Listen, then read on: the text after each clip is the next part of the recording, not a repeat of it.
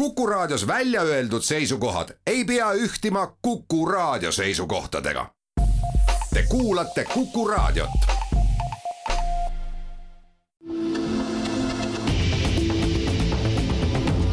kahevahel. põranda küsimustele leiab kõige parema vastuse RM stuudio.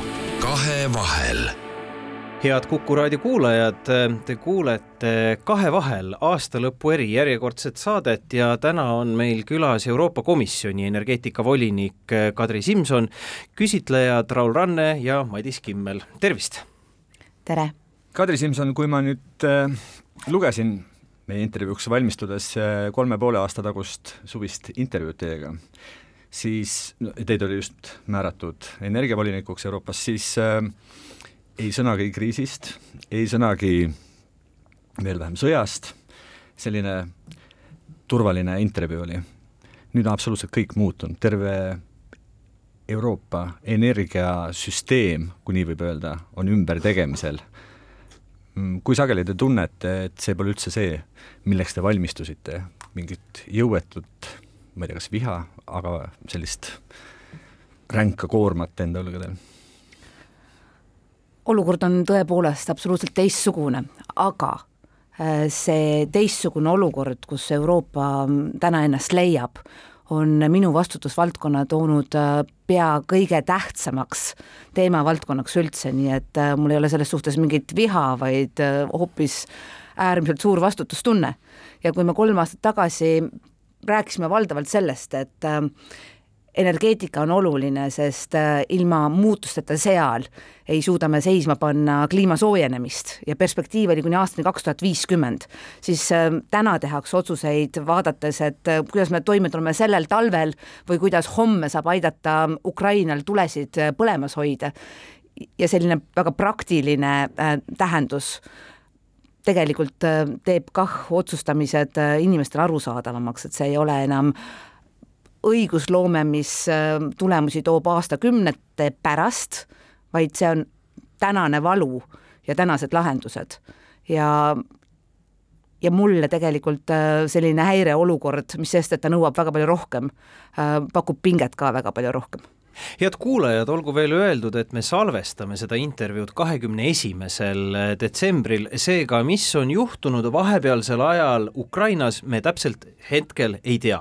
aga selge on see, et Venemaa pommitab intensiivselt Ukraina energiataristut. kas ja millised on Euroopa plaanid Ukraina energiasüsteemide taastamisel?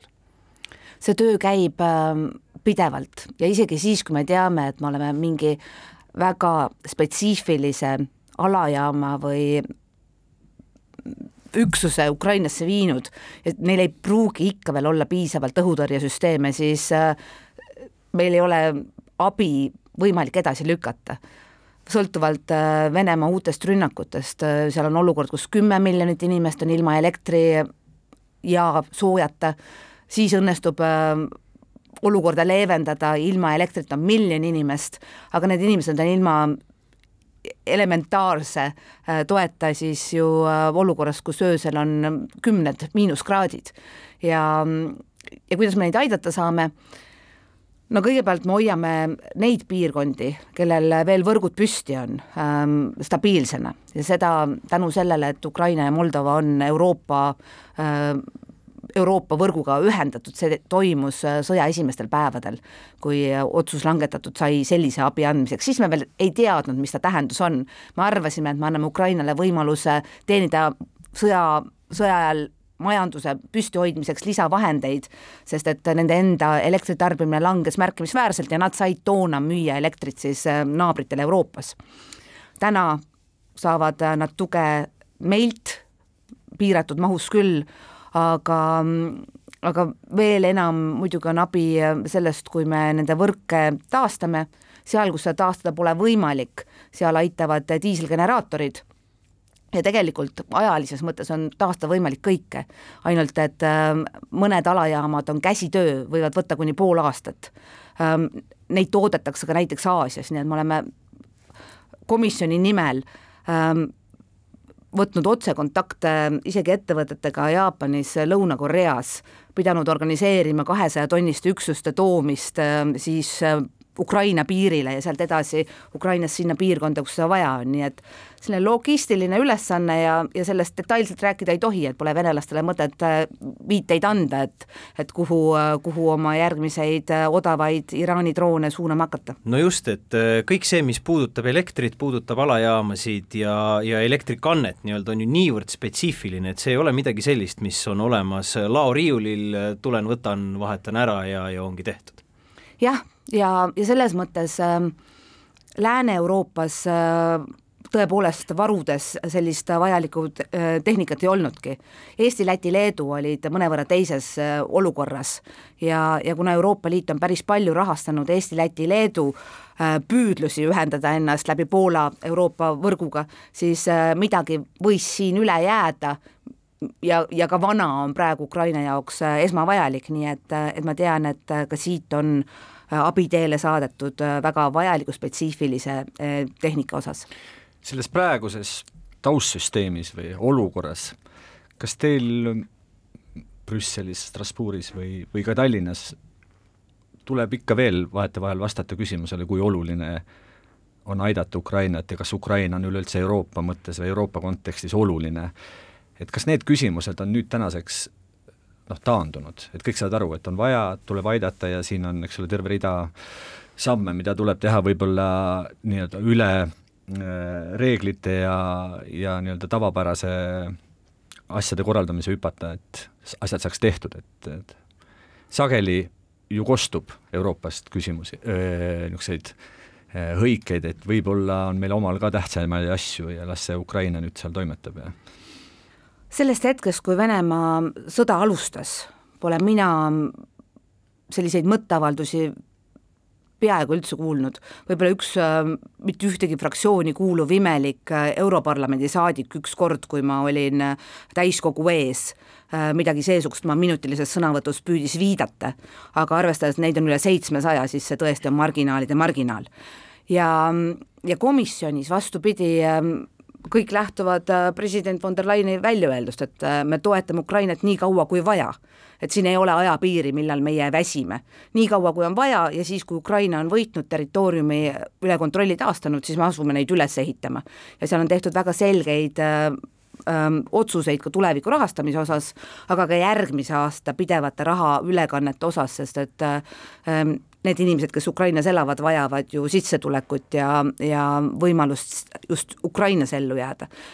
ja, ja ma arvan, et öö, ka see püüdlus leida järjest äh, enam valdkondi, kus äh, Venemaa tulusid ära lõigata on teine näide sellest, et, äh, et me toetame Ukrainat, sest iga sanktsioon teeb valu Venemaale, me oleme kokku leppinud, et ta peab tegema rohkem valu Venemaale, aga ta on kahepoolne, tal on alati mõju ka Euroopale kas siis äh, laused, mõtteavaldused, mida ka meil siin meedias aeg-ajalt võimendatakse seoses sellega, et äh, noh, Putinil tuleb lasta oma nägu säilitada ja Euroopa julgearhi-, julgeolekuarhitektuuri ehitada ja anda garantiisid ja mida iganes, et kas need on siis kõik nii-öelda kontekstist välja rebitud laused või, või, või siiski Kesk-Euroopa mõtleb pisut teistmoodi kui meie siin äh, vastu Venemaa piiri?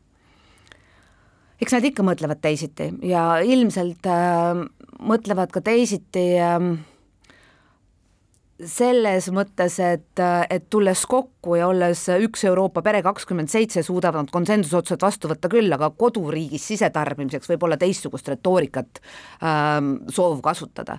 ja, ja loomulikult ähm, need Euroopa riigid, kellel endal on ähm, tuumavõimsus äh,, nad ilmselt peavad ka kõige tähtsamaks äh, Venemaa tuleviku käitumise osas seda, et, et äh, kuidas hoida kontrolli all äh, tuumarelvastus Venemaal, kuidas, kuidas vältida selle kasutamist. Eestis on ju ka kohal tänaseks, kas ma mäletan õigesti, kolme NATO tuumariigi nii-öelda sõdurid, et me oleme ka peaaegu et tuumariik.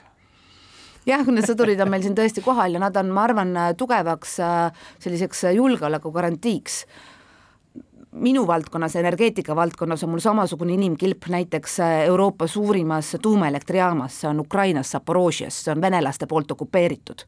aga rahvusvaheline tuumaaatomia-agentuur on sinna saatnud neli vaatlejat ja need neli vaatlejat on erinevatest äh, maailma suurriikidest ja, ja selles mõttes äh, nad ju otseselt ei suuda ära hoida venelaste laamendamist, kui see lahti läheks, aga ma arvan, nende kohalolek on minimaalne, väiksem asi, mida me võiksime üldse, oleme senimaani olnud võimelised saavutama, et ära hoida võimalikku ähm, ökoloogilist katastroofi, sest et äh, tuumajaamadele seestpoolt võib teha palju rohkem kahju kui väljaspoolt pommitamistega me teeme siinkohal väikese pausi ja jätkame siis äh, aastalõpu intervjuud äh, Kadri Simsoniga.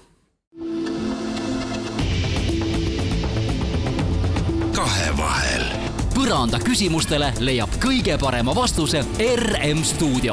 kahevahel Kuku raadio aastalõpu kahevahel erisaade Euroopa Komisjoni energeetikavoliniku Kadri Simsoniga jätkub äh, küsitlemas Raul Ranne ja Madis Kimmel. sissejuhatavalt juba ütlesite, et äh, võib-olla ma ei tea, kas ootamatult, aga igal juhul nii on, et äh, ener-, energiavolinikuks on saanud vaata et kõige tähtsam volinik Eurokomisjonis. kas te mõnevõrra seda nii-öelda kõige tähtsamaks saamist ehk siis oma tööd, saaksite kirjeldada just nimelt nüüd, kriisi ajal, et mis on niisugune põhilisem, põhilisem muutus, põhilisem äh, mõtlemise niisugune erinevus võrreldes varasemaga siis? väga palju on muutunud, et äh, väga palju, mida me oleme teinud sellel sügisel, oleks aasta tagasi olnud mõeldamatu ja, ja ma arvan, et, ähm, et kui mõelda selliste erinevate poliitikaportfellide suhtes, siis äh, energia valdkonna suurim roll on anda energiajulgeolek kõigil meie liikmesriikidele, nii et äh, liikmesriikide liidrid ei satuks surve alla, et tuleb minna Moskvaga läbi rääkima. ja, ja seetõttu ähm, kõigepealt oli minu ülesanne tagada see, et Venemaa ei saaks oma maagaasi tarnetega meid manipuleerida. ta loomulikult manipuleerib ja loomulikult hinna suhtes oleme me valusas olukorras, aga meie maa-alused gaasihoidlad on täis. me oleme senimaani kõik, mida Venemaa on tarnimata jätnud, kompenseerinud alternatiivsete tarnetega, olgu see siis torugaas äh, Aserbaidžaanist või Norrast või LNG äh, USA-st ja tegelikult äh, praegu ei pea enam nii palju veenma seda, et äh, taastuvenergia projektid on mõttekad. see aasta oli päikesepaneelide mõttes Euroopas rekordaasta, nelikümmend üks gigavatti lisavõimsust päikesest. Itaalias on miljon elektritootjat ühendatud äh, võrguga, nii et äh, korraga igaüks saab aru, et natuke saan ma iseenda eest ja Ukraina toetuseks äh, hoolt kanda ka mõeldes selle peale, mis on minu võimalused äh, vähendada gaasitarbimist või asendada elektritarbimises noh, näiteks gaasijaamast tulev elekter omaenda päikesepaneeliga katusel. nii et see on pannud inimesi mõtlema, võib-olla kliima soojenemine ei olnud nii nähtav valu siin Euroopas, seda valu tundsid lõunapoolsemad maailma piirkonnad enam, aga, aga sõjauudiseid ei saa, ma arvan, mitte keegi äh, Euroopas ignoreerida. Äh, räägime gaasi ja nafta hinnalagedest, miks need olulised on, mida see kuuekümne eurone hinnalagi nafta puhul näiteks annab, kui Venemaa väidetavalt toodab äh, naftat kahekümne viiega, ülejäänud on ju kõik puhas kasum? Euroopa Liit ei osta enam Venemaa toornaftat, see sanktsioon läks jõusse viiendal detsembril ja ainukene erand on siis äh, mõnele ilma merepiirita liikmesriigile, kellel ei olnud võimalust, äh, mitte mingit võimalust asendada see äh, alternatiiviga, sest neil puudub naaberriikide naftaterminalidesse toruühendus, nii et neile anti ajapikendus. aga see ei tähenda, et Venemaa ei leiaks oma naftale alternatiivseid turge, näiteks India, Hiina ostavad talt tugeva allahindlusega, aga siiski ostavad. ja nüüd meie jõud Venemaa tulusid vähendada oli talle piirata transpordivõimalusi. maailmas on äh, mitte just lõputult naftatankereid ja kui sa soovid kasutada naftatankerit koos Euroopa või siis Ameerika või Austraalia või meie G7 partnerite kindlustusega, pead sa leppima selle hinnalaega. ja see tähendab, et äh, tema tulud on siiski piiratud nafta hind on käinud ka saja ligidal, eks ole, et, et tema üle kuuekümne teenida ei saa ja, ja miks see kuuekümne peal on rasked, rasked läbirääkimised, mitte ainult Euroopas, vaid ka ülejäänud G7 partneriga, selle jaoks, et, ähm, et ei tekiks ähm, atraktiivset äh, soovi Venemaal ähm, katsuda maailma majanduse valuläve. me teame, et kui naftaturul tekiks tugev puudujääk, ja selles suhtes me kogu aeg oleme OPEC-i riikidega ühenduses, et, et ärge vähendage oma nafta äh, tootmisvõimsusi. aga kui see puudujääk tekiks, kui maailmaturul toornafta hind tõuseks saja kahekümnele, siis see automaatselt tooks kaasa maailma majanduse ähm, seisaku. nii et ähm, selle jaoks, et ähm,, et maailma majandust käigus hoida, tuleb sellele Venemaale anda mõndadele kolmandatele riikidele odava nafta müümise võimalus. vaadates siitpoolt tundub, et Venemaa on ammu läinud nii-öelda äh, sõjaaja majandusele üle ja samal ajal üritab Euroopa ja ülejäänud maailm, eriti just Euroopa, ikka veel nii-öelda sellist tavalist äh, turumajandust ajada, et kas need juba põhimõtteliselt lihtsalt ei ole täiesti erinevad, üks pool ju ainult manipuleeribki, seal ju ei ole reaalset nii-öelda noh, turumajandust või, või soovi turumajandust kuidagi liigutada taga ja see on selge, kui me võtsime vastu viimased otsused gaasi hinnalae suhtes, siis äh, mõni ajakirjanik küsis mu käest, et kas me nüüd provotseerisime Venemaad, ta tuleb äh, kättemaksuks äh, veel rohkem manipuleerima. aga ma arvan, et Venemaa ei vaja manipuleerimiseks mitte ühtegi vabandust. et maikuus, kui ta hakkas ükshaaval, algas Soomega ja Poolaga, eks ole, mitte täitma kehtivaid pikaajalisi gaasilepinguid, siis seal, seal ei olnud mitte ühtegi vabandust. ta lihtsalt katsus üksikute pealt, siis läks laiemaks ja täna on meil neliteist liikmesriiki, kellel on ettevõtteid, kellel on Gazpromiga pikk leping, aga seda ei täideta. nii et äh, Euroopa selles mõttes ei lase ennast äh, manipuleerida, et me ei muuda oma otsuseid hirmust, mida Venemaa nüüd teeb. me oleme olnud juba aasta algusest valmis, et ta lõikab need gaasitarned kõik ära, sest ta arvab, et ta teeb sellega meile äh, ületamatut kahju ja siis on Gazpromi videod Youtube'is, kus nad äh, tervitavad külma Euroopa või külma talve puhul eurooplasi ja, ja nii edasi, nii edasi, tõelised sellised küünilised sõnumid, mida püütakse siiapoole saata. ilm on üks suurimaid äh, teadmatuse faktoreid.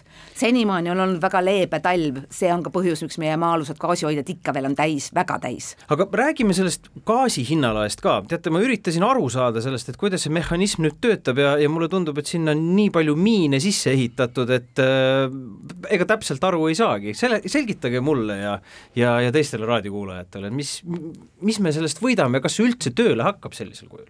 see Hollandi virtuaalne gaasikaubanduse platvorm on siis äh, platvorm, mille vastu on ka väga paljud pikaajalised lepingud äh, indekseeritud, nii et laias laastus seitsekümmend protsenti Euroopasse ostetavast gaasist on sellega mõjutatud, isegi kui ta ei ole ähm, hetke turuhinnaga ostetud. ja, ja see gaasi hinnalagi ütleb siis seda, et ähm, on teatav piir, millest üle Euroopa kõrgemat hinda ei maksa ja see piir on kolmkümmend viis eurot rohkem, kui teised maailma majanduspiirkonnad on nõus maksma. me oleme suured gaasitarbijad, aga LNG turu mõttes on äh, Hiina ja Aasia turg meist veel suuremad. ja juhul, kui Hiina lõpetab äh, lõplikult oma Covidi piirangud, kui Hiina majandus taaskäivitub, siis meil on vihane võitlus LNG tarnete eest Hiinaga. Ja me peame olema valmis maksma alati natukene rohkem, et need tarned tuleks meile, sest me tegelikult vajame seda LNG-d. kui meil on see LNG, siis me ei sõltu Venemaa manipulatsioonist. Ma muidugi meie kohalikus kontekstis LNG-st ja terminalist räägiksin pisut hiljem, ma küsiksin Ungari kohta, iga kord, kui miski sanktsioonide pakett on arutusel, siis komistuskivi on kuskil seal, et Ungariga on mingisugune eritehing, erikokkulepe, eri eritingimused. huvitav, kas Ungarist on saamaski võib-olla lõpuks ka Venemaa vastaste sanktsioonide selline kirstunael, et noh, seda lõplikku, lõplikku tulemust või lõplikku eesmärki meil ei õnnestu täita, sest me peame tegema ka mööndusi, me peame mingisuguseid erikokkuleppeid tegema kogu aeg tõepoolest selle jaoks, et sanktsioon-kokkuleppeid on vaja kõigi liikmesriikide nõusolekut. nii et üheksa korda on see õnnestunud ähm,, aga Ungari on ka selge sõnaga öelnud, et ta ei anna kunagi oma nõusolekut äh, sanktsioonideks äh, Vene maagaasi vastu. Et seda ta on öelnud ja seetõttu pole komisjon seda pakkunud, selle asemel me pakkusime siis välja Repower EU plaani, millega me teiste poliitiliste sammudega andsime teada, kuidas me asendame Vene gaasi, asendame alternatiivsete tarnetega, asendame teiste ähm, lahendustega, kõige enam me eelistame loomulikult äh, olukorda, kus me saame gaasi asemel kasutada elektrit ja kuidas me siis selle ülejäänud jäägi, mida me ei asenda, säästame. et äh, me teame, et alates augustist on Euroopa liikmesriigid suutnud kakskümmend protsenti vähem gaasi tarbida kui eelmisel aastal, eelmisel viiel aastal, päris kõva kokkuhoid aga, aga Ungari tõepoolest, et äh, viimastel ka minu äh, formaadi nõukogu koosolekutel, kus kakskümmend seitse riiki peavad hääletama, see kõige raskem viimane nõukogu, kus me vastu võtsime viis väga äh, keerukat otsust, ma suutsin läbi rääkida koos Tšehhi eesistujaga nii, et oli ainult üks vastuhääl, Ungari. kas see jääbki nii? kas Ungari noh, jääbki selleks, ikkagi selleks kirstunaelaks, et ei olegi mingit lootust või kui Orban nii-öelda kukub, kukub ka see kirstunael? Orbanil olid just valimised, ma arvan, et see oli äh, esimeste sanktsioonipakettide puhul äh, võtmetähtsusega, sest et ega ungarlased mäletavad, kuidas tundne on, kui Vene väed või Nõukogude väed sisse tulevad. nii et ta alguses valimiste tulemuse kinnitamiseks oli ju koheselt väga suurte ja tähtsate sanktsioonidega nõus. Ähm, nüüd äh, teine asi on see, et jah, Ungari on praegu vastu, sest et tema jaoks on ainult üks teema ainult üks teema ja see üks teema on talle, et ta tahaks saada Euroopa Liidu rahastust oma taastekavale. Aga ta saab selle Euroopa Liidu rahastuse oma taastekavale, kui ta täidab teatavaid reegleid, mida kõik teised liikmesriigid on juba täitnud. nii et see samm on tema enda astuda ja see ei ole mingi Euroopa noh, selline ähm, nagu küla koerale, koer külale äh, poliitika, ta teab, mida ta tegema peab Poola tegi kõik need sammud ära, Poolal on rahastus ähm, järgi, järgi parimaid eeskujusid. Te mainisite kokkuhoidu ehk siis äh, säästmist, see on, see on äh, ütleme, ettepanek, nagu ma õieti aru saan, mitte käsk, aga ettepanek kõikidele riikidele ja riigiti siis jällegi omakorda ettevõtjatele ja elanikele. Öelge, kas säästmine saabki meie elu niisuguseks pärisosaks, et et me peamegi õppima elama nii, et säästame.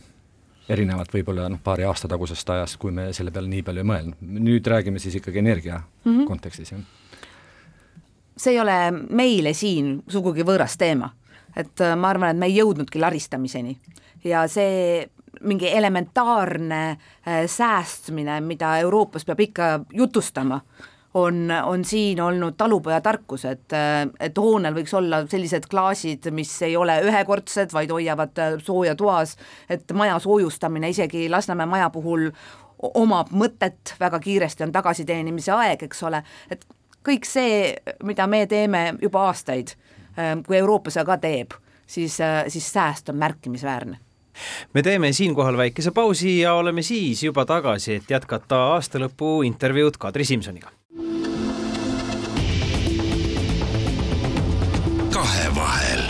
põranda küsimustele leiab kõige parema vastuse RM stuudio.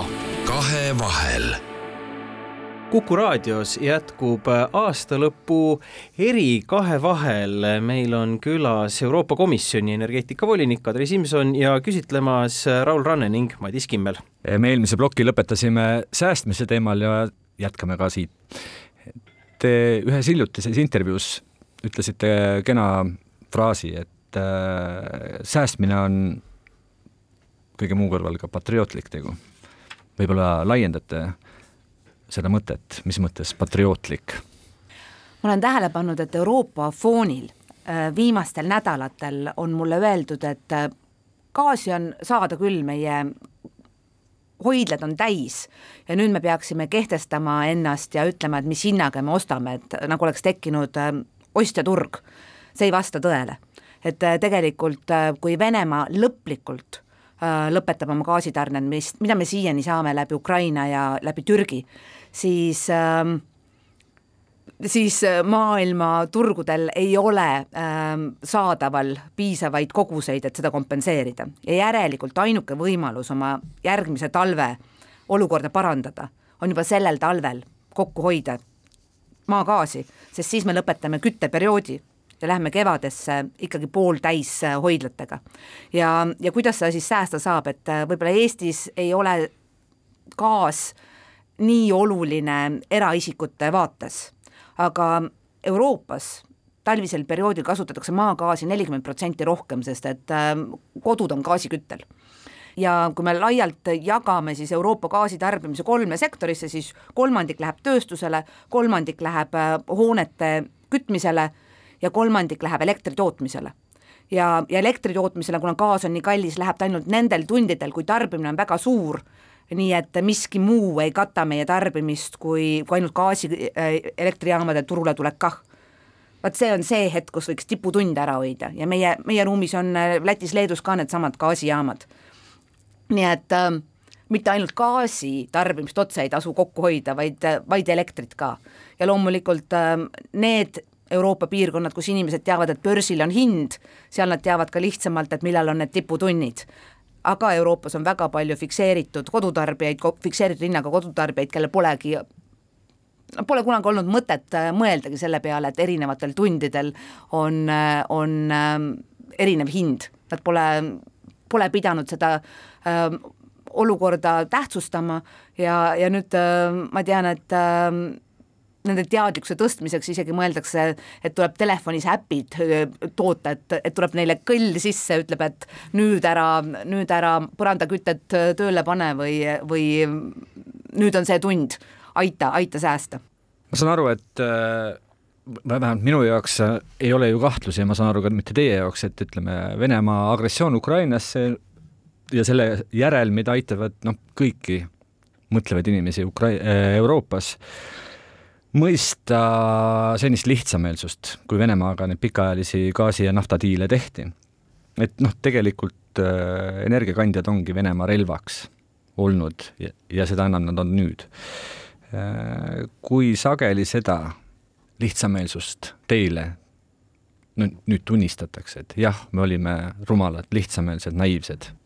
ma arvan, et abiks tuli see, et äh, aasta tagasi olid Saksamaal valimised ja, ja valitsusse tulid äh, rohelised, ka minu äh, laua vastas istub rohelistest majandusminister Robert Habeck, kes kunagi pole maagaasi usku olnud. Ja, ja sellele vaatamata pidi ta siis üleöö asendama selle Nord Stream ühe ja kahe toru vahendusel tuleva maagaasi LNG-ga ja on imekiiresti suutnud Saksamaale käivitada siis LNG terminalid vähem kui aastaga ähm,. aga selle foonil ta ikka ei ole endiselt äh, arvanud, et, et veel teine suur kuri äh, kuri roheliste hirmune nagu äh, tuumajaam äh, ei oleks, ei oleks seda hirmu väärt, eks ole, et, et regionaalselt Saksamaa ümber muidugi on ka hääli kõlamas, et selles kriisiolukorras iga teine elektrijaam, mis ei ole Vene gaasi elektrijaam, oleks, oleks abiks selles olukorras. Ja, ja ka globaalselt tegelikult seda solidaarsust on päris palju, et äh, ma käisin just äh, Jaapanis, Jaapan on järgmisel aastal G7 äh, eesistujamaa ja nemad käivitavad peale Fukushimat nüüd taas oma tuumaelektrijaamad.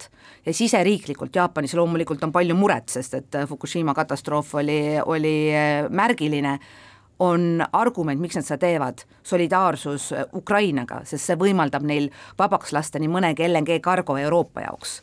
nii et äh, noh, neid õppetunde või siis võimalusi sellest äh, sõltuvusest võimalikult kiiresti lahti saada ja aidata ka kaugelt meid, neid on ikkagi ähm, kõvasti rohkem, kui me äh, ilma Venemaa sõjata Ukraina vastu ähm, tunda oleksime saanud, et siis oleks ilmselt võinud see, see laisk sõltuvus kesta aastakümneid. jaapanlaste solidaarsus ja, ja selline leidlikkus Ukraina aitamisel on, on üleüldse imeks, või mitte imekspandav, aga, aga tõesti äh, tore vaadata, et see, mismoodi, milliseid lahendusi sealt välja mõeldakse, et mida Ukrainal just praegu vaja on. Äh, nad oskavad seda, aga kas Euroopa oskab ka selle solidaarsusega kaasa minna, kuhu ma tüürin, on see, et kas tuumajaamad teevad oma oodatud äh, tagasitulekut, oma comeback'i? tuumajaamad tegelikult täna on probleem, sest et meil on viis riiki, kelle tuumajaamad on äh, Rosatomi tehnoloogiaga ja kütusega. nii et ähm, kui me kaardistasime ära, et äh, mis võib juhtuda meie elektriturul, siis elektriturg on pinges, aga hallatav ja samas viies riigis järgmiseks aastaks kütusevaru on olemas, aga sõltuvus on väga suur. nii et äh, ka seal tuleb alati vaadata, et kui sa tahad püsti panna tehnoloogia, sul peab olema mitme tarnija äh, kütuse võimalus, vastasel juhul lõpetad veel hullemas seisus ma igaks juhuks pean ikkagi üle küsima, me oleme nendest nii-öelda Euroopas valitsevatest meeleoludest rääkinud, ega ometigi ei ole seal seda meeleolu tunda, et kui Putin mingil põhjusel kaob ja asemele tuleb keegi teine, äkki selline, kes ütleb, et hindab demokraatlikke väärtusi ja, ja vaba majandust, et et siis diilitatakse edasi. et kui lõplikud tunduvad olevat need tänased nii-öelda pöörded või ringi mängimised? ma arvan, et seisukohad on olnud väga nagu selged, et seni, kuni Ukraina ähm, ei taasta kontrolli oma riigi ja territooriumi üle, seni mingeid läbirääkimisi meie nende nimel ei pea. et see on Ukraina, kes peab läbirääkimisi siis, kui äh, sõda on võidetud. aga mis puutub gaasitarnetesse, siis äh, fakt on see, et Euroopas on endiselt ettevõtteid, kes saavad Venemaalt gaasitarneid ka täna ma pidasingi just seda silmas, et kuivõrd seda tagaust nagu justkui hoitakse lahti, et noh, küll rahuneb ja me teeme jälle Venemaaga diile ja jälle pikki lepinguid ja jälle oleme varsti noh, mingisuguses tulevikus vastamisi samade probleemidega, et, et seal saab olla ainult mainekahju, miks ettevõtted seda ei tee, nii nagu oli nafta embargoga, et ennem kui naftasanktsioonid jõusse läksid, tegelikult Euroopa terminalid lõpetasid Vene toornafta ostmise. Ja, ja see oli eelkõige just äh, mainekahju pärast, mida me gaasi puhul täna veel ei näe, sest et äh, nagu ma mainisin ähm,, Venemaal ei ole alternatiivseid ähm, toruühendusi, ehk et kõik see gaas, mida ta jätab meile saatmata ähm,, kas jääb Venemaale ja leiab mingit kasutust või nad siis lausa põletavad seda, kui see on kaastoodang näiteks äh, nafta, naftamaardlates ja see tähendab, et meie kompenseerime selle muust maailmast ostudega, aga kuskil tekib defitsiit. nii et, äh, et selles suhtes see Vene gaasi ostmine eurooplaste poolt on, ähm, on lubatud ja firmad teevad seda veel see ei ole sanktsioon, sanktsioonidega kaetud, sanktsiooni jaoks on vaja ühehäälsust, ühehäälsust Ungari ei anna ja nii lihtne see ongi. me jätkame õige pea vestlust juba sisepoliitilistel teemadel, aga seda pärast pausi. kahevahel. põranda küsimustele leiab kõige parema vastuse RM stuudio. Kahevahel saade Kahe vahel jätkab oma aastalõpu eriprojekti ja eriprogrammiga. meil on külas Euroopa Komisjoni energeetikavolinik Kadri Simson küsitlemas Raul Ranne ja Madis Kimmel, aga nüüd tuleme äh, otsaga Eestisse ja, ja, ja vaatame, vaatame Eesti poliitikat äh,. kui palju te jõuate üleüldse nii-öelda kohalikku Eesti poliitikat igapäevaselt jälgida? Ma jälgin kohalikku Eesti poliitikat äh, palju vähem, kui ma jälgisin siis, kui ma olin äh, ise Eesti poliitikas äh, ministri või Riigikogu liikmena. Ja aga noh, samas äh, ma üldiseid trende tean, ma tean, kes on valitsuses ja kes on opositsioonis ja, ja millised on, millised on seisukohad, mis ületavad ka uudiskünnist. Ja vot see on hea, et teie teate, kes on valitsuses, kes opositsioonis, siin vahepeal suvel hakkas see asi kuidagi sassi minema, et ei olnud päris kindel, aga see selleks. sel samal üheksateist, äh, kahe tuhande üheksateistkümnenda aasta suvel antud intervjuust noh, väikest viisi andsite või unistasite, et kui viie aasta pärast naasete Euroopast, et siis Eesti on parem paik. teeme täna väikese vahefiniši, kuidas tundub, on ta parem kui siis, kui te läksite?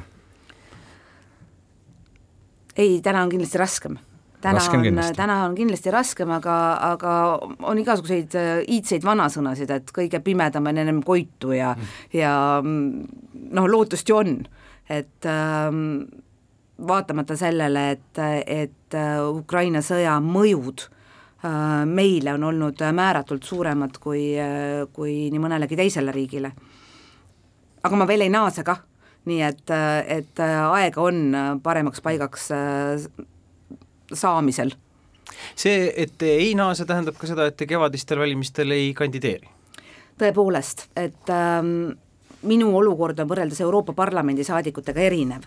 Nemad võivad jätkata oma tööd Euroopa Parlamendis ja teha siin valijatega kohtumisi äh, kaldkriips äh, kampaaniat äh,. Euroopa Komisjoni liige peaks töölt lahkuma ja praegusel hetkel mitte keegi ei annaks mulle andeks, kui energeetikavolinik ütleb, et võtan nelikümmend päeva puhkust ähm,, see lihtsalt ähm, oleks ennekuulmatu ja võimatu, see lihtsalt on võimatu minna töölt ära neljakümneks päevaks puhul, kui Keskerakond, teie koduerakond, teeb tavapärasest tunduvalt niruma tulemuse valimistel, kas see on see koht, kus hakatakse teie poole tulema jutuga, et äkki hakkate erakonna juhiks?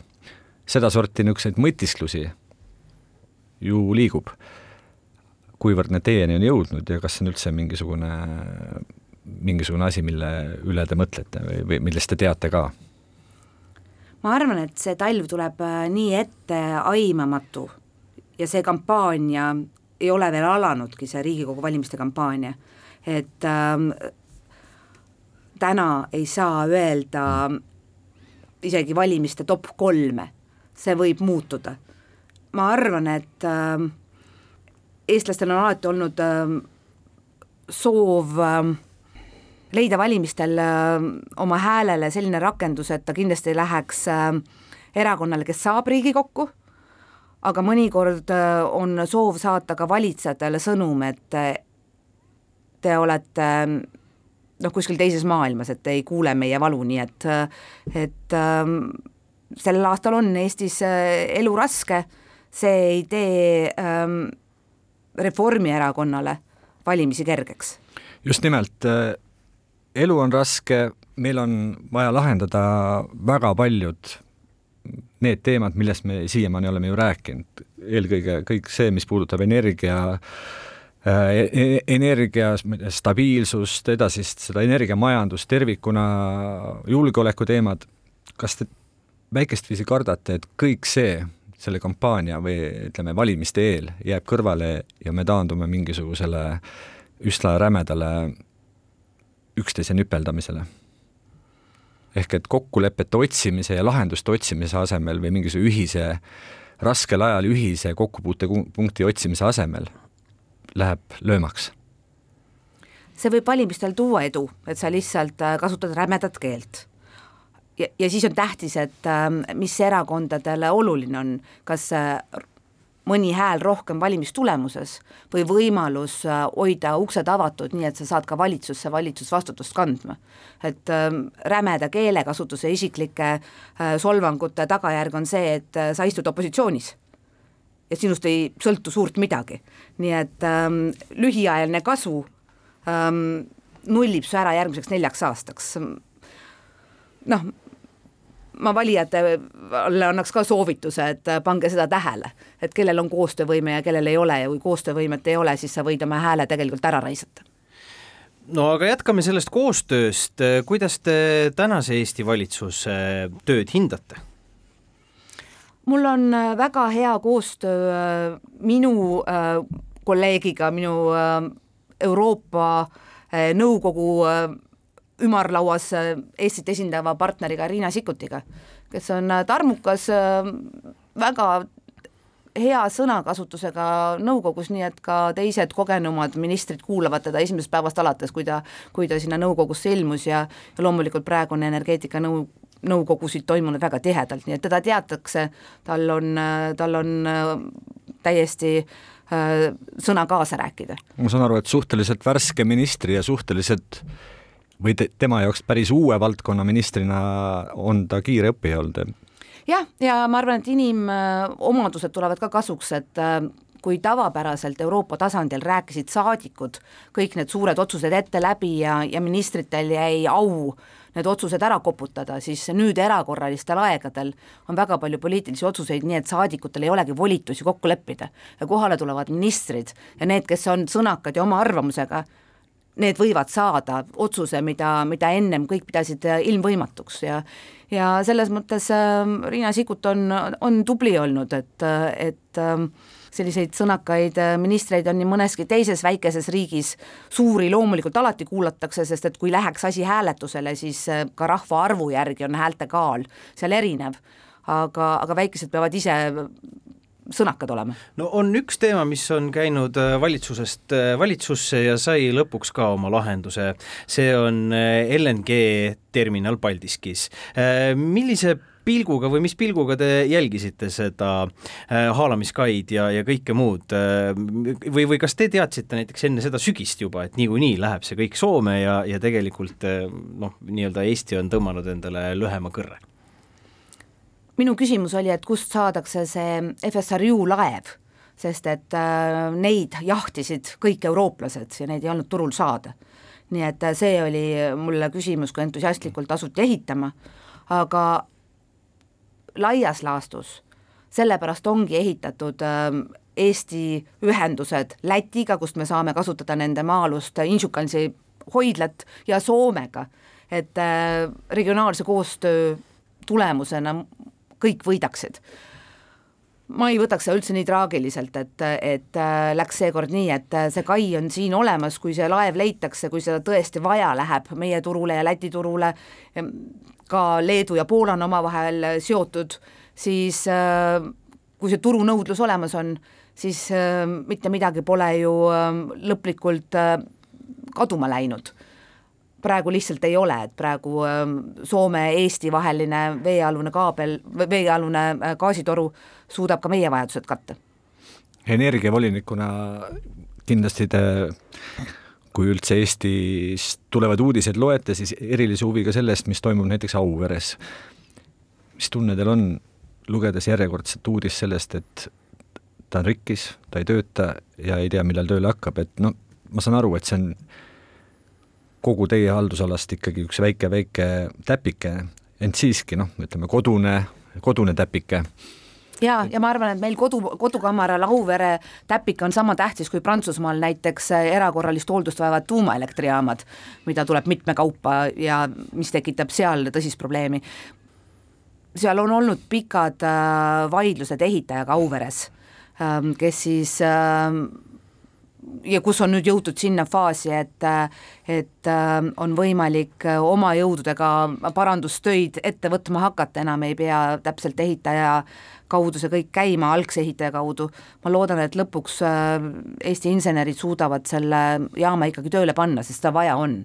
ilmselgelt äh, aasta tagasi meie turg sai Soome kaudu ju ja, ja Läti kaudu kasutada ka Venemaa elektrit, mida enam ei ole nii et äh, kõik võimsused praeguses ajas on vajalikud ja mm, noh, jälle, insenerid suudavad teha imesid ähm,, lihtsalt praegu võtab see neilt äh, arusaamatult kaua aega. paraku on meile antud aeg otsakorral, milline oleks teie aasta lõpu ja uusaasta soov äh, meie kuulajatele?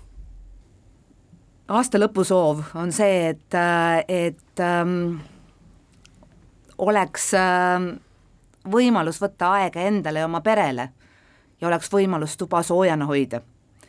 Ähm, järgmiseks aastaks me peame vastu pidama, sest ainult nii, et meie vastu peame, saame me aidata Ukrainat, et tema võidaks. nii et siin ei ole võimalust äh, nina norgu lasta, see on raske aasta, aga aga, aga nii palju on kaalul Kadri Simson, aitäh teile Kuku raadio stuudiosse tulemast! aitäh! kahevahel. põranda küsimustele leiab kõige parema vastuse RM stuudio. kahevahel